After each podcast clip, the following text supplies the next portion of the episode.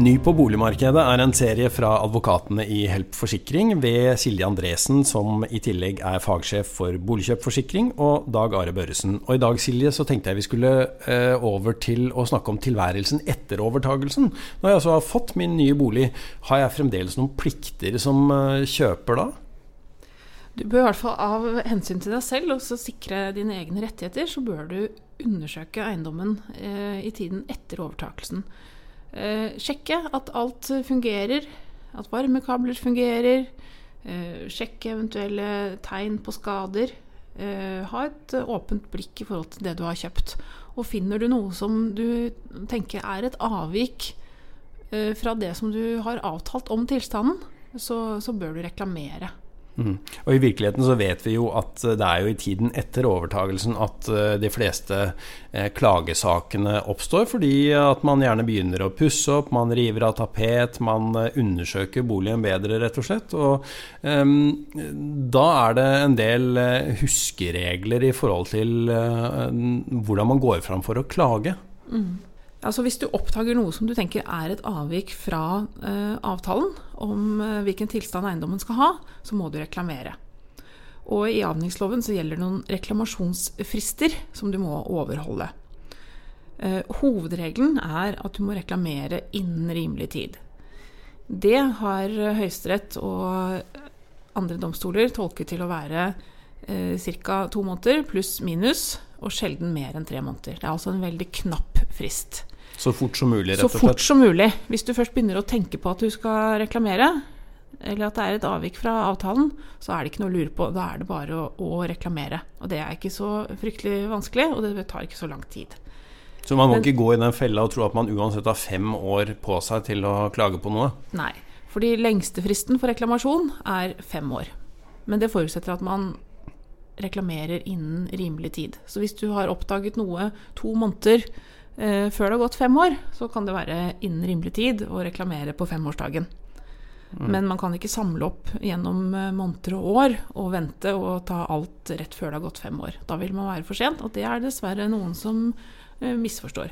Hovedregelen er innen rimelig tid, og det har Høyesterett sagt er pluss-minus to måneder. Sjelden mer enn tre måneder. Mm. Men det er jo forståelig at, eh, at, eh, noen går i fella og venter for lenge også, fordi at eh, mange av oss har ikke noe lyst til å være til bry. Sånn at man vil gjerne si at mm, ja, nei, kanskje det ikke er så ille, dette vanninnsiget i kjelleren. Kanskje det er en engangsforeteelse, f.eks. Men da er det lett at man venter for lenge, rett og slett.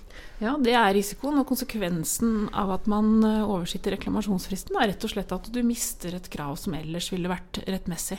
Mm. Så det kan jo få store økonomiske konsekvenser.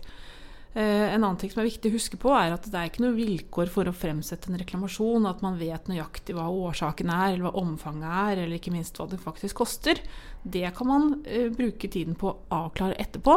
Det holder at man sender en, en nokså enkel melding, som man gjerne kaller for reklamasjon, og beskriver det problemet man har oppdaget, og sier at det mener man er et avvik fra avtalen, og varsler om at man vil fremsette krav senere for dette avviket. Da har man avbrutt reklamasjonsfristen, og så kan man heller bruke tiden på å finne ut om det er det egentlig noe å lage en eh, sak av, eller er det eh, noe som er et mindre problem, eller som jeg ønsker å ta på egen kappe. Men fordi det er noen formelle krav til hvordan man skal gå fram når man reklamerer eller klager, så er det eh, ofte der advokaten bør og kommer inn i bildet. Eh, og en viktig jobb for advokaten er jo å sortere ut det man eh, mener man har rett til å holde selger ansvarlig for, altså klage på, og hva man ikke har noe grunnlag i lovverket for å klage på. Eh, og hvorfor er det sånn at man ikke kan klage på alle feil man finner som eh, boligkjøper? De, de, feilene som, eller de forholdene som er relevante som eh, mangler, det må man da se opp mot avtalen. Mm. Og det er den eh, konkrete avtalen som er bestemmende for hva som kan utgjøre en mangel. Og noen ganger så har vi jo kjøpt et hus som er splitter nytt og høy standard og uten slitasje og i henhold til alle krav. Eh, og beskrevet deretter. Da har man selvfølgeligvis høye forventninger, og det skal ganske lite til før et avvik innebærer en kjøpsrettslig mangel.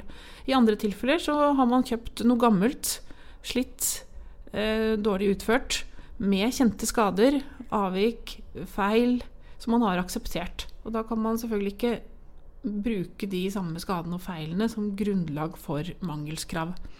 Så en tommelfingerregel kan være at jo nyere boligen er, jo mer positivt den er beskrevet i salgsdokumentene, jo enklere vil det være å vinne frem med en klage?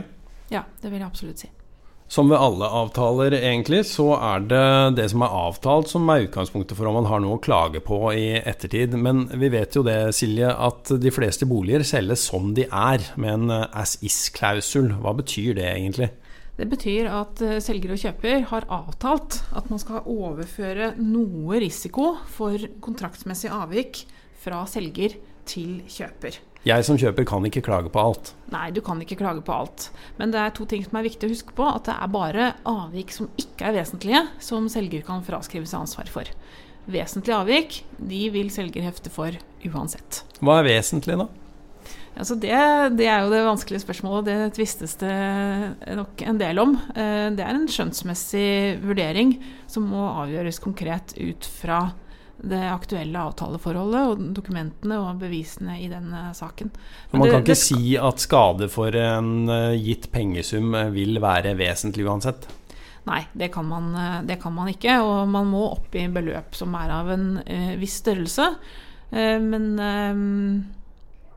men det må man altså se ut fra kontrakten. Og det er jo sånn at jo bedre kvalitet det er markedsført med, og jo høyere forventninger du har, jo mindre skal det til både å konstatere at det er avvik fra forventning, og å karakterisere avviket som uh, vesentlig. Så jo nyere bolig, jo mer positivt beskrevet, jo enklere vil det være å vinne frem med et uh, krav fra kjøper. Da. Ja, det er helt uh, riktig. Og så er det et annet aspekt ved dette her, og det er at denne, som er viktig å huske på, det er at denne ansvarsfraskrivelsen, som den er klausulen, den gjelder ikke selgers opplysningsplikt. Selgers opplysningsplikt den gjelder fullt ut og er ikke innskrenket som følge av at man gjør en slik avtale. Det har kun betydning for skjulte forhold som verken selger eller kjøper visste noe om på avtaletidspunktet.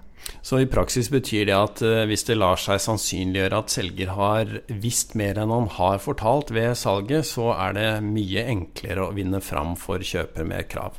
Ja, det er helt riktig. Og er, eh, den muligheten for å nå fram der er eh, lik uavhengig om man har en som den er-avtale, eller en avtale som er basert på normalbestemmelsene mm. i avhendingsloven. Så mm, det viktigste vi vel kan oppsummere med, er at du må ikke, uansett hva du finner, så må du ikke vente og se hvordan det utvikler seg. Du må i alle tilfeller reklamere, eh, gjøre selger oppmerksom på at du har funnet noe du ønsker å klage på, og så får du sørge for å dokumentere kravet ditt i ettertid. Eh, og gjerne kontakte en advokat som kan hjelpe deg å sortere mellom hva man har rett til å klage på, og hva man ikke har rett til å klage på. Ja, og her vil jo veldig mange ha god nytte av å ha en advokat som sparingspartner, slik at man forfølger de kravene som er rettmessige, og at man kanskje ikke bruker eh, så mye tid og energi på de kravene som ikke har mulighet for å nå frem. Takk for at du hørte på Ny på boligmarkedet.